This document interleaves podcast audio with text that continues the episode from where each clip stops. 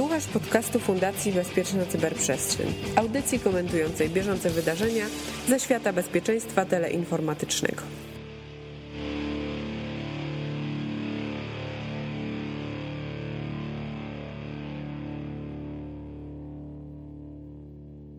Kiedy w wolnej chwili zbierałem materiały do swojej kolekcji informacji o historii cyberbezpieczeństwa, przypomniałem sobie o jednej z największych technologicznych porażek prezydentury Billa Clintona Clipperze. I wszystko byłoby fajnie, gdyby ten pomysł pozostał wtedy w odmętach historii. Tymczasem podobne projekty wypływają co jakiś czas w różnych rejonach świata, ostatnio w Australii. I na rozmowę o tym, jak kolejne rządy chcą zaglądać nam przez ramię, gdy korzystamy z sieci, zapraszają Mirek Maj i Łukasz Jachowicz. Przed Tobą 50. odcinek podcastu Cyber Cyber.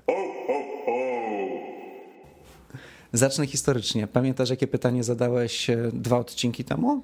Cztery odcinki temu.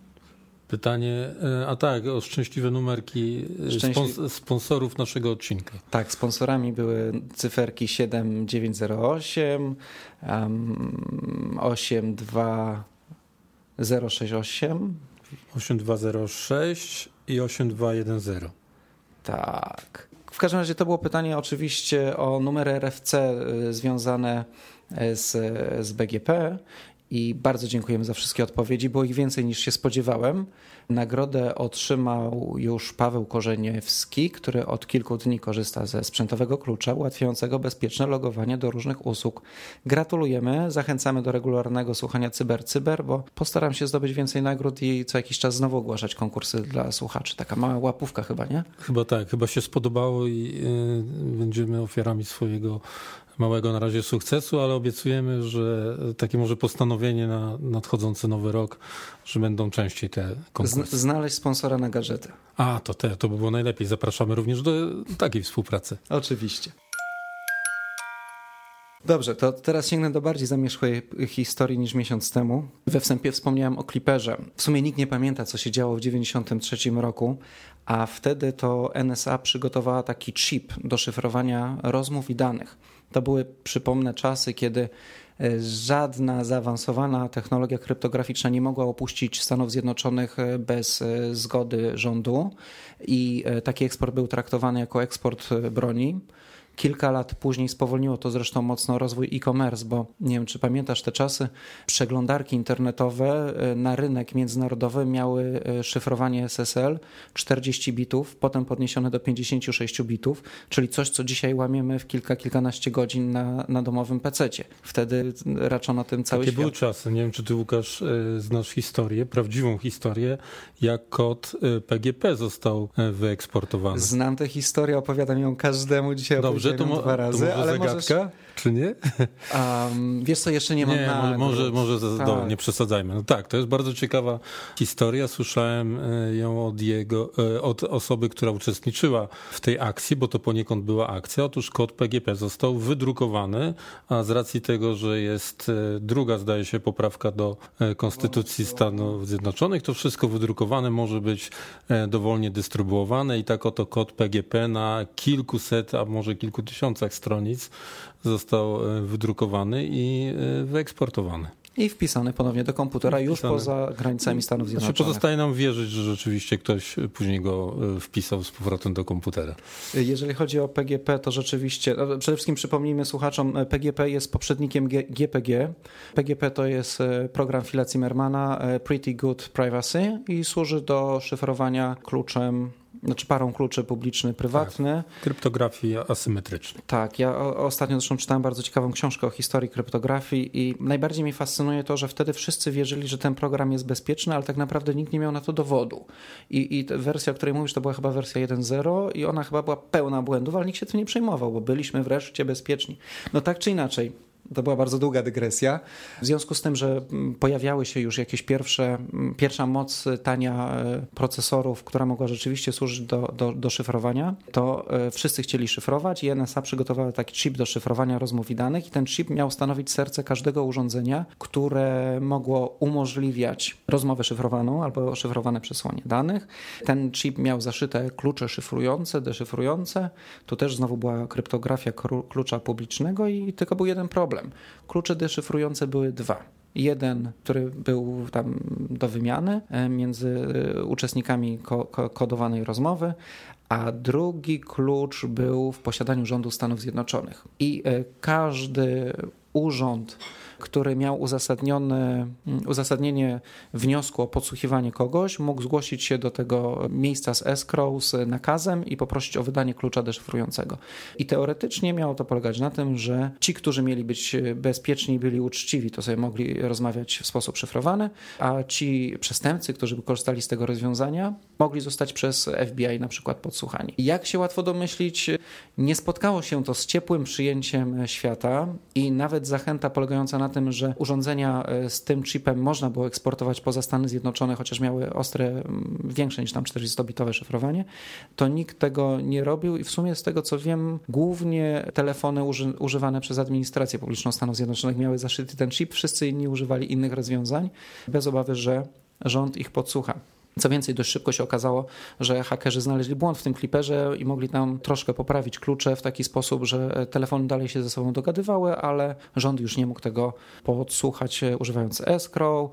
Potem jeszcze stało się to taką inspiracją do, do, do napisania wielu analiz mówiących na przykład, że idea escrow klucza szyfrującego jest jednym z głupszych pomysłów, jakie sobie można wyobrazić. I ten chip clipper to chyba w 1995 roku już w ogóle ludzie o nim zapomnieli ale idea tego, żeby deszyfrować cudzą komunikację co jakiś czas wraca. Od lat rozmawia się o tym, że terroryści też korzystają z szyfrowanych połączeń i trzyliterowe służby chciałyby nowych uprawnień do podsłuchiwania, żeby tych terrorystów sobie wyszukiwać, wyłuskiwać, ich podsłuchiwać. Jak swoją drogą sobie nie radziły bez czegoś takiego? Znaczy one pewnie sobie, też są zawsze dyskusje, krytycy takiego ułatwiania mówią o tym, że to w ogóle jest pewien drenaż już nie tylko idei w ogóle działania tajnych służb, ale rzeczywiście ich zdolności do tego, żeby utrzymywać ich zdolności do, powiedzmy sobie, nazwijmy to konwencjonalnego działania, które powinno być na odpowiednim poziomie, bo jak wszystko staje się takie łatwe, to po co po prostu ćwiczyć, trenować i, i rzeczywiście realizować te trudniejsze zadania, a należałoby to zrobić. No, tak jak mówisz, minęło 25 lat. Te 25 lat to jest tak, że z jednej strony nic tak naprawdę wielkiego się nie stało, ale sama idea nie zaginęła, więc ona cały czas gdzieś tam żyje, w szczególności pewnie w marzeniach tych, którzy by chcieli łatwo skorzystać z takiego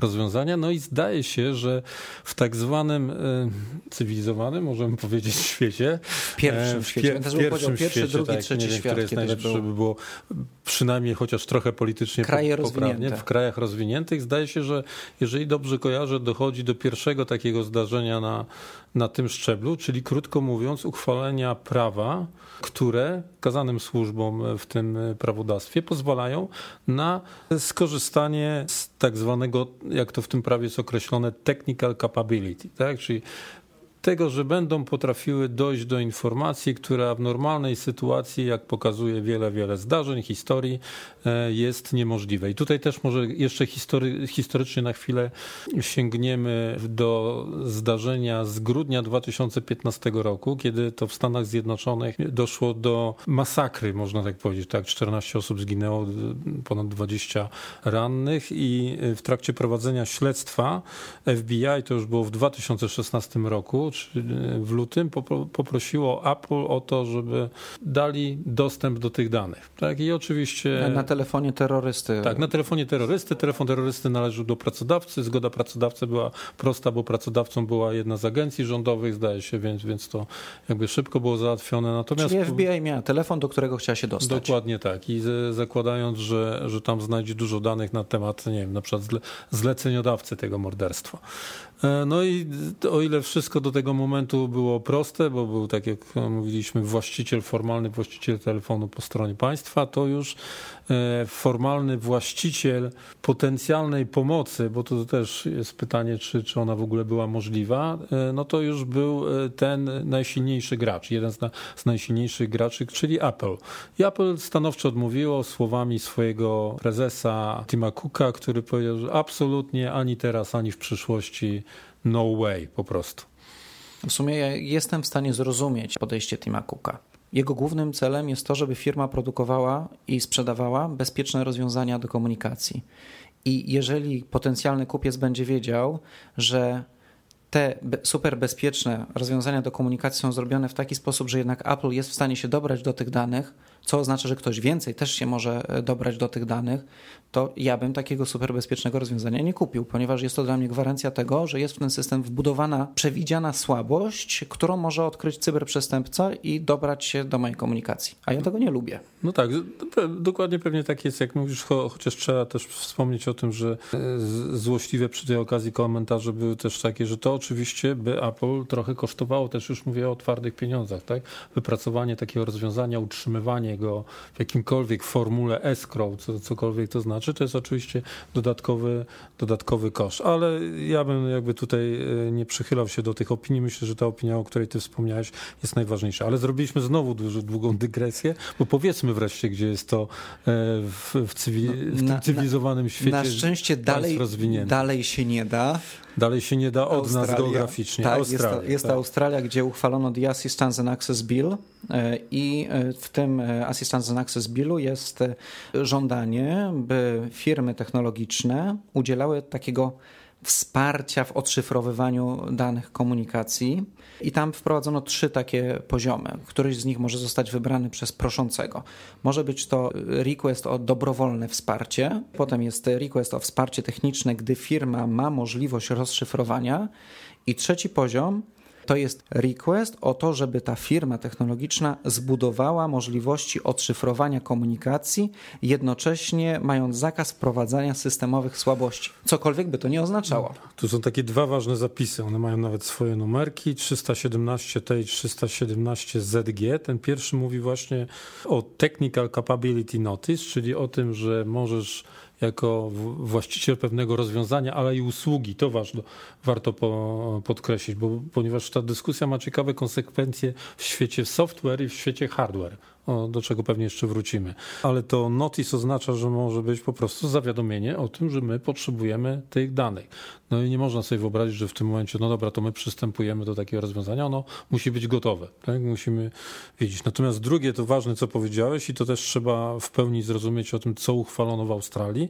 Uchwalono również zakaz tak zwanego systematic weakness, tak? czyli czegoś, co na stałe jest po prostu słabością pozwalającą na to, że nie tylko ci, którzy ma, mają prawo do tego, ale również ci, którzy są bardzo ciekawscy, nazwijmy to tak, będą mieli dostęp do tych danych. No i mamy takie dwa rozwiązania, które no nie są łatwe do zrealizowania. Wychodzi ze mnie w tej chwili dusza programisty, którym byłem 20 lat temu i rozkłada ręce. Ja nie wiem, o co tu chodzi. Ja nie wiem, jak to zaimplementować. Znaczy, ja, ja, myślę, że, że tak naprawdę to chodzi o to samo, co zawsze chodzi, czyli po prostu, żeby był backdoor. Natomiast to drugie, co sprawia, że my nie wiemy, o co chodzi, to są moim zdaniem takie złagodzenia, e, takie ustawowe, takie uspokajacze. Tak? Nie robimy tutaj żadnej takiej stałej dziury, nikt tam ten, to wszystko będzie kontrolowane i tak zwykle. Czyli to, co zawsze słyszymy, oczywiście zgadnij, e, do jakiej grupy należysz w momencie, kiedy się sprzeciwiasz. No podejrzewam, że jestem obrońcą e, i teraz zaczynam wyliczanie. Pedofili, terrorystów, e, Właściwie, no to, to, to no generalnie wystarczy, tak, ale no. Łukasz, to wystarczy. Czy ten, jeszcze ten coś jeszcze, potrzeba? Ten jeszcze coś było. Ale... Chyba, chyba te dwie grupy najczęściej są przywoływane, ale to jest oczywiście, to już troszeczkę ręce po prostu opadają w tym momencie, że ja jak takie rzeczy słyszę, to znaczy, że już ktoś nie, nie chce poważnie o tym dyskutować. Tak? Bo, bo oczywiście oprócz tego, że te grupy mogą korzystać z tego, no to, to znaczy, że ktoś nie, nie podejmuje poważnej dyskusji, jakie realne zagrożenia dla wartości z którego ci ustawodawcy ze świata, którego się wywodzą, tak? czyli, czyli tych krajów rozwiniętych, tak zwanych demokratycznych, które odkładają na bok w tym, w tym, w tym momencie. I ciągle mamy te dyskusje o to, na co zasługujemy i tak dalej, e, historyczne stwierdzenia na ten temat. Myślę, że to chyba tutaj nie ma za, za bardzo co tej dyskusji toczyć, natomiast no, warto przeprowadzić taką dyskusję, dlaczego to jest w ogóle groźne również e, technologicznie i czy w ogóle to jest możliwe. Może, może od tego powinniśmy zacząć? No bo y, ja bym reakcję na to podzielił na dwie grupy. Jedno to są reakcje takie właśnie trochę jak powiedzieliśmy Tima Cooka, no way, tak? Po prostu nie zgadzamy się. Tutaj poczuwamy się jako szafarze po prostu bezpieczeństwa naszych klientów y, i, i tak dalej, i tak dalej. A drugie to jest po, ktoś taki jak na przykład y, właściciel znanego komunikatora Signal mówi, nie ma takiej możliwości. Po prostu architektura i projekt naszego rozwiązania nie daje w ogóle takiej możliwości, żeby to ono przestałoby być sobą w ogóle. Wydaje mi się zresztą, że w ostatnich czasach większość rozwiązań zabezpieczających komunikację jest zrobiona w taki sposób, żeby ten, kto je wypuścił, też nie był w stanie wprowadzić do nich backdoorów. Inspiracją były właśnie te chęć kolejnych rządów, żeby zmuszać po cichu te firmy do podsłuchiwania swoich klientów. Dokładnie. To... Powstała nawet taka usługa. W Szwajcarii jest firma, e, która sprzedaje Proton Mail, gdzie e, jest to chyba pierwsza komercyjna usługa, której twórca głośno mówi, że jego pierwszą ideą było to, żeby nawet oni nie byli w stanie zobaczyć, co klient ma na dysku. I tam jest tam kilka kluczy szyfrujących, tego typu rzeczy. Wszystko e, odbywa się w przeglądarce, deszyfrowanie w przeglądarce się e, odbywa tych maili, w związku z tym e, no to, to trochę obciąża wolniejsze komputery i zrobiona teoretycznie z myślą o, o bezpieczeństwie, a chodzi o to, że twórca Protona ma teoretycznie dostęp do maila swojego użytkownika tylko w jednym momencie, kiedy ten mail spływa na jego serwery. I potem jest szyfrowany kluczem e, e, publicznym użytkownika i, i to by było na tyle. Więc bez kompletnej przebudowy systemu nie da się e, dostać do tych maili. No bo jeżeli ja bym był rządem przed Protonie drogi, daj mi dostęp do maili Jachowicza, to Proton musi zrobić tak. Po pierwsze, przerobić swoje serwery tak, żeby maile do mnie skierowane szły bez szyfrowania na jakieś dodatkowe konto, na jakieś dodatkowe miejsce. I to jest ok, to jest fizycznie wykonalne, to jest parę minut kodowania. Ale druga sprawa, tenże sam Proton musiałby przebudować swój webmail w taki sposób, żebym ja, kiedy się zaloguję, zdradził wszystkie swoje hasła, które dopiero posłużą Protonowi do odszyfrowania części tej e, poczty. Znaczy, owszem, da się to zrobić, ale wymaga wprowadzenia strukturalnej słabości w system. No dokładnie, to są pewnie już, ja bym powiedział, z punktu widzenia takiej idei bezpieczeństwa, no bo to jest tak naprawdę na, na prostszą coś, co każdy słyszał i, i gdzieś tam się spotyka, mam nadzieję, bardzo często z tym, że to nie jest tak, że administrator e, systemu ma dostęp do wszystkich e, danych w tym systemie i tylko wtedy może go e, dobrze administrować albo jeszcze bardziej do, za, zabezpieczać. To nie, jest, to, nie jest ta, e, to nie tak powinno być. Także to, co mówisz, to no jakby w warstwie tej już architektury rozwiązania jest jeszcze krokiem, krokiem dalej i bardzo bym to pozytywnie ocenił. Natomiast e, no, w większości przypadków to też nie mamy co się łudzić, to to tak nie działa, takich rozwiązań nie ma i większość przypadków to jest takich, że jednak gdzieś tam coś można wcisnąć, prawda? I to jest, i zaczynają się te rozważania, co można wcisnąć, jakie pojawiają się e, problemy, bo tak, mówimy o tym, że pewne protokoły, pewne rozwiązania w ogóle nie mogą tego zapewnić. Przy e, innych rozwiązaniach pewnie można to zapewnić, ale wiąże się to z jakąś e, bardzo dużą inwestycją, jeżeli już technicznie w ogóle chcielibyśmy to rozważać. I tu też te, ta inwestycja może być w pewnego rodzaju rozwiązanie software'owe, tak, że ktoś wymyśli takiego backdora i go, i go zainstaluje pod warunkiem, i tutaj oczywiście pozostaje ta zagadka, że to nie będzie systematyczna słabość. Nie do końca jeszcze wiemy, jak to miałoby wyglądać, ale można też sobie wyobrazić rozwiązanie sprzętowe. Zresztą co ciekawe, ciekawe, przy tej okazji dyskutowano taki przypadek, w którym operator telekomunikacyjny na jakimś obszarze objęty takim prawodawstwem po prostu dokłada komponent techniczny, na przykład do sprzedawanych telefonów. dokłada komponent techniczny i dzięki temu komponentowi użytkownik w jego sieci komórkowej na przykład będzie zawsze podlegał ewentualnie właśnie takiemu podsłuchaniu, już tak mówiąc prostym, kolokwialnym e, językiem. Takie rozwiązanie też można sobie wyobrazić. To są takie konsekwencje techniczne, natomiast to są jeszcze ciekawe bardzo konsekwencje no takie nawet gospodarcze, tak? bo, bo australijskie firmy już mówią o tym, że tworzy się obszar bez precedensu jakby w gospodarce światowej, w której zaufanie, znaczy bez precedensu, to możemy za chwilę porozmawiać na przykład o Chinach, tak? E, w której rozwiązania tej klasy są wręcz wymagane, nie tylko oficjalnie, tak? bo, bo w Chinach inaczej trochę to wygląda, ale tu są wymagane, więc jakby zaufanie do produktu australijskiego automatycznie spada, no bo trudno sobie wyobrazić, że oni tylko produkują produkują na, e, na eksport. Prawdę mówiąc, jestem zawsze, zastanawiam się, czy twórcy takiego prawa, czy im się wydaje, że nie ma internetu. Jeżeli mam i wiem, że w moim kraju wszystko jest zabackdorowane, to pierwsza rzecz, którą robię, to sobie odpalam VPN-a, łączę się z serwerem Wielkiej Brytanii i sobie ściągam stamtąd GPG. Y, No i co, co, co mi zrobi rząd Australijki? Może mi za przeproszeniem nafiukać. No tak, może, tylko zwracam Ci uwagę, że może Ci też nafiu- tak nafiukać, że jeżeli zapiszę w prawie, że e, to jest niezgodne z prawem, że Ty takie coś użyjesz, jako po prostu obywatel, no to rzeczywiście może Ci e, trochę anty nafiukać, tak? No nie mówimy wtedy już o kraju demokratycznym. No tak, nie, nie, nie mówimy, ale dla przypomnienia takie prawo przez jakiś czas obowiązywało we Francji. Końcówka lat 90., zdaje się, co najmniej, nie wiem do kiedy to obowiązywało, że pamiętam, że koledzy z CERTów, które działały w jurysdykcji francuskiej, mieli taki kłopot, że nie przekazywali swoich kluczy publicznych swoich zespołów, bo prawo im na to nie pozwalało. Także takie precedensy w ogóle istniały, no to oczywiście jest samo, samo e, utrudnienie. Rozumiem, że ówcześni terroryści na pewno by się tym bardzo przejmowali. No tak, no, terroryści jeszcze wtedy, no tak wtedy jeszcze średnio, nie. średnio działali jeszcze, ale to jest, no tak, tylko zaczynam przechodzić w jakby sferę taką, taką ogólniejszą, nawet półfilozoficzną, jak to się mówi, tak? I zaraz zaczniemy porównywać do broni i tak nie, dalej. Nie, to nie jest, to, jest to bardzo jest niefilozoficzne, to jest bardzo praktyczne pytanie, bo czy twoim zdaniem y, zamontowanie wszędzie backdoora spowoduje, że będziemy bezpieczniejsi? Nie, no absolutnie nie spowoduje, bo oczywiście to, że nawet tak jak powiedziałem, y, że w prawie napiszemy, że, że Mirek Maj i, i, i Łukasz Jachowicz nie mogą tego używać, to nie znaczy, że może niepotrzebnie nazwiska wymieniłem. To, RODO.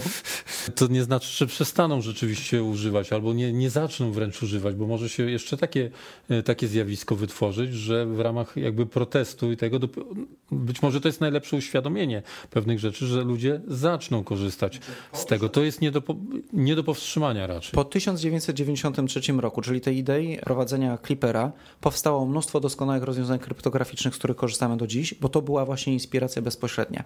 Kiedy w okolicach roku 2000 y, światło dzienne ujrzał projekt Echelon, czyli podsłuchiwania ruchu w całym internecie i okolicach, wtedy pamiętam też było bardzo duże zainteresowanie, w jaki sposób zacząć korzystać z kryptografii, bo wtedy kryptografia jeszcze była mało popularna, więc myślę, że tym razem też się tak stanie. A y, moje pytanie, czy Twoim zdaniem to będzie działać, y, ma też troszkę inny podtekst. Nie wiem, czy pamiętasz dwa lata temu zamachy w Brukseli terrorystyczne. Terroryści porozumiewiali się ze sobą, oczywiście, bo wszyscy się dzisiaj ze sobą porozumiewamy, ale oni niczego nie szyfrowali. Oni korzystali ze zwykłych telefonów, łączyli się normalną publiczną siecią komunikacyjną, która jest podsłuchiwana, która jest y, cały czas skanowana, monitorowana, ale służby i tak ich nie złapały. Dokładnie tak jest i to nie tylko ten przypadek z Brukseli. Y, pewnie pamiętasz również tę masakrę w Madrycie. Tam były dokładnie te same przypadki. Udowodniono później po tym, że w przypadku zastosowania prostych, znanych metod, bez żadnego komplikowania sytuacji, te dane można było wcześniej zebrać, tylko po prostu ich nie zbierano. I, paradoksalnie może być tak, że odpowiedzialni za to poprzez to, że mają taką łatwość, do, albo im się wyobraża, tak? albo będziemy u nich budowali takie poczucie łatwości dostępu do informacji w momencie, kiedy jest im potrzebna, a nie wtedy, kiedy muszą o nią zabiegać, no to po prostu nie będą tego robili. I właściwie większość historii, przy, przynajmniej terrorystycznych, to są historie, że tak powiem, nieefektywnego działania służb odpowiedzialnych za działania antyterrorystyczne. Tak? I, i, I również związane z tą teleinformatyką. Nawet zresztą chyba e, zamachy w 2001 roku we wrześniu. No tak, września. to jeszcze, jeszcze tam, większa ta, historia. Ta, to też jest wielka historia. Tam służby miały wszystkie dane, tylko ich nie połączyły ze sobą.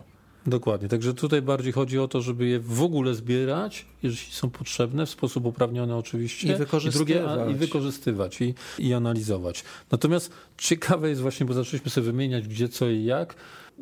Niektórzy nie protestują, bo już Chińczycy nie protestują, prawda? Pro, bo kto protestuje? Wymienialiśmy tam usługodawcy i producenci.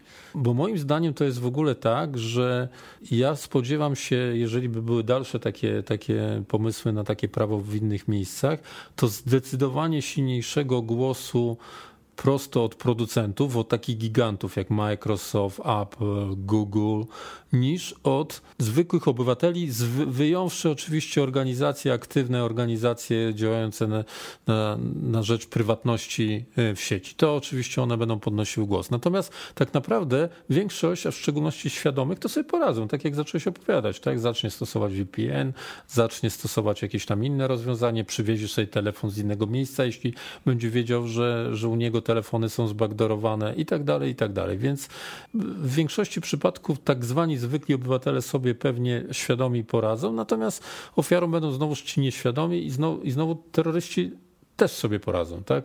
Te, też tak będzie. A ci duzi jakoś się nie przejmują, tacy jak Chińczycy.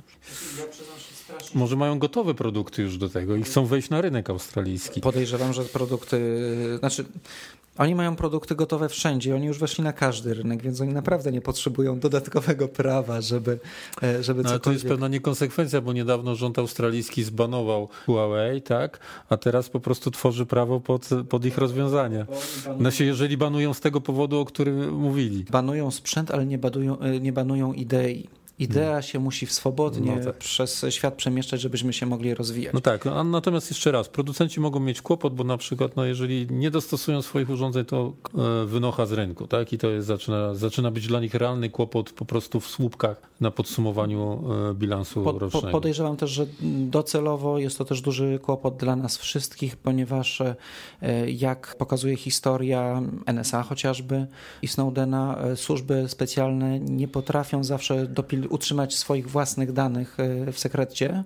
Te dane wypływają i jeżeli będzie gdzieś informacja o tym, w jaki sposób z backdora skorzystać, to ona ujrzy światło dzienne i nie skorzysta z niej uczciwy obywatel, a skorzysta z niej cyberprzestępca. Dokładnie tak. Ale negatywnie. No nie mamy tu nic, się po prostu nie pozwalajmy na to, tak, jeżeli, tak. bo tutaj jakby nie, nie, ma do, nie ma dobrych rozwiązań, inaczej, inaczej się walczy ze złymi zjawiskami. I co gorsza, te zjawiska niestety pojawiają się u nas, wydaje mi się, że w Wielkiej Brytanii ostatnio było, też jacyś politycy podnieśli ideę. No tak, Wielka Brytania to w szczególności zdaje się dla, za premiera Camerona. Camerona. By, było to często przy, przywoływane, ale chyba ucichło szczęśliwie ostatnio. Mają inne problemy teraz. Problemy mają też u nas e, ci, którzy mają konta w ING i uwierzyli w pewien e-mail, który do nich e, przyszedł niedawno.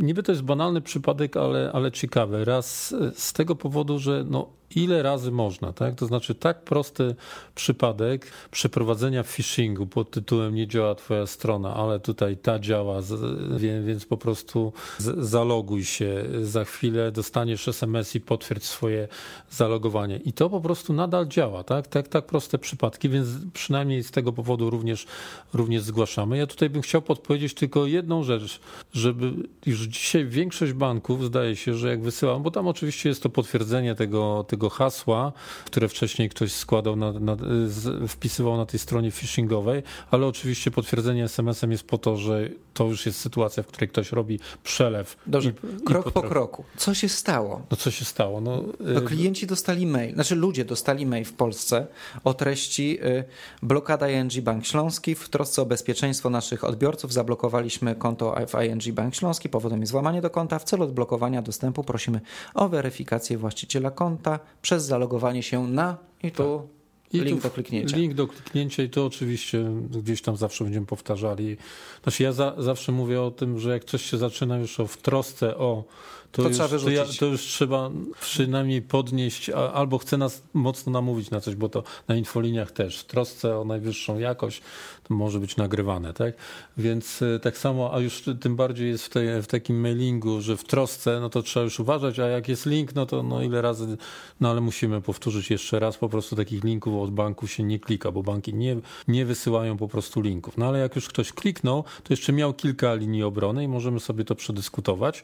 Pierwszą linią obrony było to, że no już jakby wpisywanie hasła samego po prostu z takiego, z takiego linku to już jest niebezpieczne, a drugie, że potwierdzenie wiarygodności, znaczy tego, że to hasło jest prawdziwe, no to to już jest w ogóle sytuacja taka, która e, ja sobie nie przypominam, żeby banki stosowały w, te, w ten sposób. Potwierdzają zazwyczaj płatności, tak, ale, ale te, te hasła Chociaż mogą być te, też takie, takie sytuacje, może no tu trochę przesadzam. Bo, bo, tu, bo tutaj klient, który kliknął na coś takiego i podał swoje hasło, naciskał OK i bank wysłał SMS weryfikujący o treści dodano nowego odbiorcę i wyświetlało mu się na stronie po prostu tak. teraz dostałeś kod i ten kod wpisz tutaj, go tutaj. wpisz. No i to był ten kod, który później włamywacz zastosował do tego, żeby ten przelew już, który przygotował, również mógł potwierdzić takim Przy czym w SMS-ie było napisane nie weryfikacja hasła, tylko przelew Dokładnie. na 50 tysięcy na takie, to takie chciałem, konto. To chciałem powiedzieć, że już dzisiaj, dzisiaj banki właściwie chyba wszystkie w tym SMS-ie nie tylko przekazują kod, ale przekazują również cel tak? Cel, Czyli kawałek numeru po prostu kawałek numeru konta, także to jest mocno do zweryfikowania. Tych przypadków po prostu no już nie powinno być, tak? one Ale kto nadal czyta te SMS-y? Kto czyta te SMS-y? No czytajcie. No to jest proste, ale zawsze, zawsze będziemy, będziemy przypina, e, przypominali. Natomiast drugi przypadek jest ciekawy z innego powodu. To znaczy mieliśmy, zdaje się, 10 grudnia taki przypadek, że w ciągu mniej więcej godziny wiele banków, tak, rzeczywiście tych, tych banków było tam między 5 a 10 banków, e, było niedostępnych. Były niedostępne ich serwisy internetowe, no i rzeczywiście klienci mogli poczuć się zaniepokojeni. No i tutaj jakby są dla mnie dwa tematy. Jeden temat to jest powody, dla których to było niedostępne i one mnie te powody, mnie, które zostały podane, najbardziej zaniepokoiły. No bo jeżeli ktoś mówi o tym, że te serwisy były niedostępne, bo to A, poniedziałek, B, bo to nadchodzą święta, C, bo, bo tu są płatności ZUS-owskie, bo to pensje trzeba wypłacić, no to ja zawsze mi się wydawało, że to są normalne sytuacje, tak? I to nie jest powód, który gdzieś tam na początku grudnia a święta są za dwa albo trzy tygodnie, ma powodować, że serwis internetowy może, e, może nie, nie zadziałać i to naraz w tak wielu e, bankach. Także to było takie średnie, nie za bardzo mi się to po, podobało.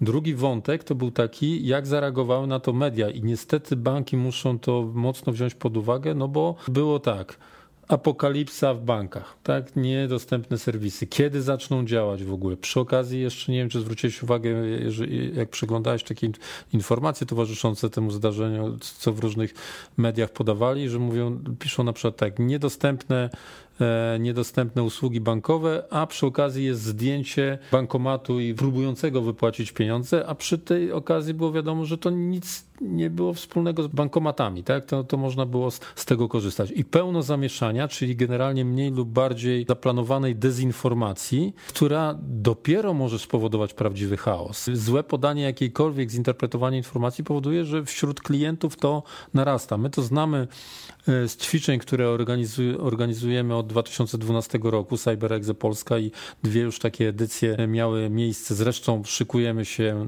w najbliższym czasie będzie kolejna trzecia edycja z udziałem kilkunastu banków, takie naprawdę już bardzo duże ćwiczenia, ale za każdym razem ten wątek medialny, obsługi tej medialnej sytuacji jest niezwykle, niezwykle ważny i, i, i ta sytuacja również pokazała, jak bardzo może to tylko z powodu przekazu medialnego rzeczywiście stać się problemem. Czyli krótko mówiąc, zaapelujemy o odpowiedzialność przy przekazywaniu informacji apelujemy do banków, żeby przekazywały, czyli w ogóle firm strategicznych, banki takimi niestety też czasem są, o to, żeby dbały o to, żeby klientów y, w jasny sposób poinformować, co się stało, dlaczego się stało i kiedy zostanie naprawione. Dokładnie tak. To podkreślamy jakby wagę znaczy o odpowiedzialność do mediów też trzeba, e, też trzeba apelować e, zawsze. To niestety nie może być wyścigi na nagłówki, a niestety przy takich przypadkach często, często tak bywa. Natomiast no, banki nie mogą się na to obrażać, tylko po prostu muszą się z tego na to przygotować, że tak, że tak media działają. E, no, banki mają profesjonalne służby PR-owe, ale to są trudne sytuacje i nie można powiedzieć, że tutaj więcej nic się nie da zrobić. Trzeba po prostu próbować dobrze być przygotowanym na takie sytuacje. E, powiedziałeś, że ten atak phishingowy na klientów ING skierowany był atakiem trywialnym i jesteś zaskoczony, że takie w ogóle jeszcze przechodzą. To ja znalazłem ostatnio, e, znaczy ostatnio, już jakiś czas temu został ujawniony błąd, który moim zdaniem jest chyba jednym z najbardziej trywialnych ataków świata. Chciałeś kiedyś pokierować dźwigiem? Takim żurawiem wieżowym. Znaczy, ja tak często o tym słyszę, że zacząłem myśleć, czy też nie powinienem chcieć, ale tak bardzo to jeszcze nie chciałem, ale... To jeżeli masz na przykład e, lęk przestrzeni, to teraz są takie piloty do tych, tak, tak, tak, takie urządzenia. Montujesz jeden, jeden moduł na tym żurawiu, drugi sobie bierzesz takiego pilota do ręki i tak jak zabawką sterujesz takim gigantycznym czymś, pod co jest podwieszony na przykład 50-tonowy blok, czy tam 30-tonowy, nie wiem ile one ważą. Duże są w każdym razie. I wyobraź sobie, że jest sobie taka popularna również w Polsce firma e, Telekran, e, która sprzedaje takie moduły, które można podłączyć do takiego żurawia i te moduły się komunikują mm, drogą radiową e, i można sobie tam sterować tym dźwigiem. I dowcip polega na tym, że zły człowiek może nagrać tę transmisję radiową za pomocą prostego e, hakerefa, który kosztuje tam 700 zł na Allegro, odtworzyć i dźwig wykona jego polecenia. Krótko mówiąc, to jest tak, jakbyśmy, nie wiem, mieli weryfikację głosową, nagrali człowieka mówiącego swoje hasło i potem odtworzyli z Takie magnetofonu. Siri dla dźwigów. Takie Siri dla dźwigów. I sobie, wyobraź sobie, siedzisz sobie, bo teraz przy każdym hotelu jest budowa, bo się właśnie buduje obok drugi hotel. Siedzisz sobie w kawiarence internet, e, w kawiarence, e, nagrywasz ten dźwig i potem sobie przejmujesz ten dźwig i możesz sobie machać tym takim betonowym klocem i na przykład demolować e, samochody w okolicy. Może brzmi to głupio, ale niestety jest to możliwe. I pytanie do, e, do ciebie, jak sądzisz, jak wielu inspektorów budowlanych, kiedy sprawdza bezpieczeństwo budowy, czy wszyscy mają kaski, czy wszystkie przepisy BHP, czy wszystkie gaśnice są na miejscu, jak wielu z nich sprawdza, czy oprogramowanie sterujące dźwigiem zostało zaktualizowane? Nie będę cię pytał, czy mnie pytasz o liczbę nominalną, czy o procent, bo powiem tyle samo, zero. My się powinniśmy z tego cieszyć, bo to jest potencjalna grupa do szkoleń cyberbezpieczeństwa. Tak myślisz, że operator... A, no tak, ci, ci audytorzy, tak? Ci audytorzy, ale z drugiej strony jest to strasznie martwiące, bo się okazało, że tak trywialny błąd był przez ileś lat niewykryty i tak trywialny błąd podejrzewam istnieje w wielu urządzeniach, o których nikt nie pomyślał, że mogą być użyte do niecnych celów. No tak, brzmi to chwilami być może trochę zabawnie, ale z drugiej strony może być przerażające w swoich e, skutkach i, poka- i chyba łatwo tutaj, Łukasz, tą opowieścią udowodniłeś, że po prostu dźwig, który każdy z nas jak wyjrzy za okno, prawie widzi w Warszawie przynajmniej gdzieś tam albo w dużym polskim mieście, to jest fragment tak zwanej infrastruktury krytycznej, tak? Bo jeżeli ktoś sobie po prostu tym, tym blokiem wielotonowym po prostu gdzieś przyciągnie i zrobi coś złego, bo to może spaść na, na nieprzypadkowy budynek, no to lepiej nie dyskutujmy, co może się stać. E, a ja, Łukasz, chciałem Ci powiedzieć taką historię, bo e, każdy z nas obserwuje e, ten, ten phishing, który wpada do, do, do, naszej skrzynki. Ostatnio taki jest bardzo popularny, to też dlatego zdecydowałem się to powiedzieć, żeby przestrzec, bo tutaj do fundacji dostajemy sporo i telefonów, i, i, i maili, co mam zrobić, bo chodzi o taki, taki phishing polegający na tym, że no, jakiś czas temu do Ciebie się włamałem i teraz oczywiście już wszystko wiem, co Ty robisz, jakie strony odwiedzasz, takie najgorsze oczywiście strony i teraz mam oczywiście filmy nagrane z tego wszystkiego. I to jest twoje hasło, bo, które przechwyciłem. Tak, no i wszystko po prostu udowodnione. I ludzie rzeczywiście się są trochę, trochę przerażeni z tego powodu i ja tak, bo zawsze te, te, nowe fale phishingowe lubię przestudiować po prostu te teksty, jak to wypisuję. Muszę powiedzieć, że te teksty w większości z tym związane są bardzo profesjonalne, ale jeden mnie lekko rozbawił, bo on był naprawdę w 99% absolutnie perfekcyjnym, perfekcyjnym polskim i tak dalej. Oprócz jednego fragmentu, z którego się dowiedziałem, że no to wszystko było możliwe, dlatego że w moim routerze wystąpiła podatność e, na zranienie. Więc zastanawiam się po prostu, gdzie, e, kim był ten tłumacz, no bo to oczywiście pewnie zapewne, zapewne jest tak, że ktoś, e, ktoś tu tam bierze parę złotych za to, że to dobrze przetłumaczy, ale nie wiem dlaczego wystąpiła podatność na zranienie w moim routerze, ale więc warto, e, nawet to może być prosta metoda, warto zanim się przerazimy czegoś, co tam kogoś może, może dotyczyć, no to po prostu przeczytać, no i gdzieś tam takie zranienie tego polskiego będzie. Przy czym w części tych ataków phishingowych na przykład w nagłówku w temacie podaje się rzeczywiste hasło ofiary, odbiorcy takiego phishingu. Uspokajamy, że to nie jest efekt tego, że ten ktoś się do, do, do Was włamał, tylko to jest efekt tego, że wielokrotnie wypłynęły hasła, których korzystaliśmy w wielu serwisach na całym świecie. Te hasła krążą po sieci, można sobie ściągnąć e, bez problemu, taką bazę 40 GB cudzych haseł i, i odpalić z nich phishing. Jest kilka serwisów, może przy okazji następnego odcinka powiemy tym, o tych, którym warto wierzyć, gdzie można sobie to sprawdzić, bo tu też trzeba oczywiście uważać, żeby nie wpaść e, znowuż na kolejny problem. Pamiętam taki baner z przeszłości. Wpisz numer swojej karty kredytowej, a my ci powiemy, czy już ona została skradziona w internecie. I to jest autentyczny baner.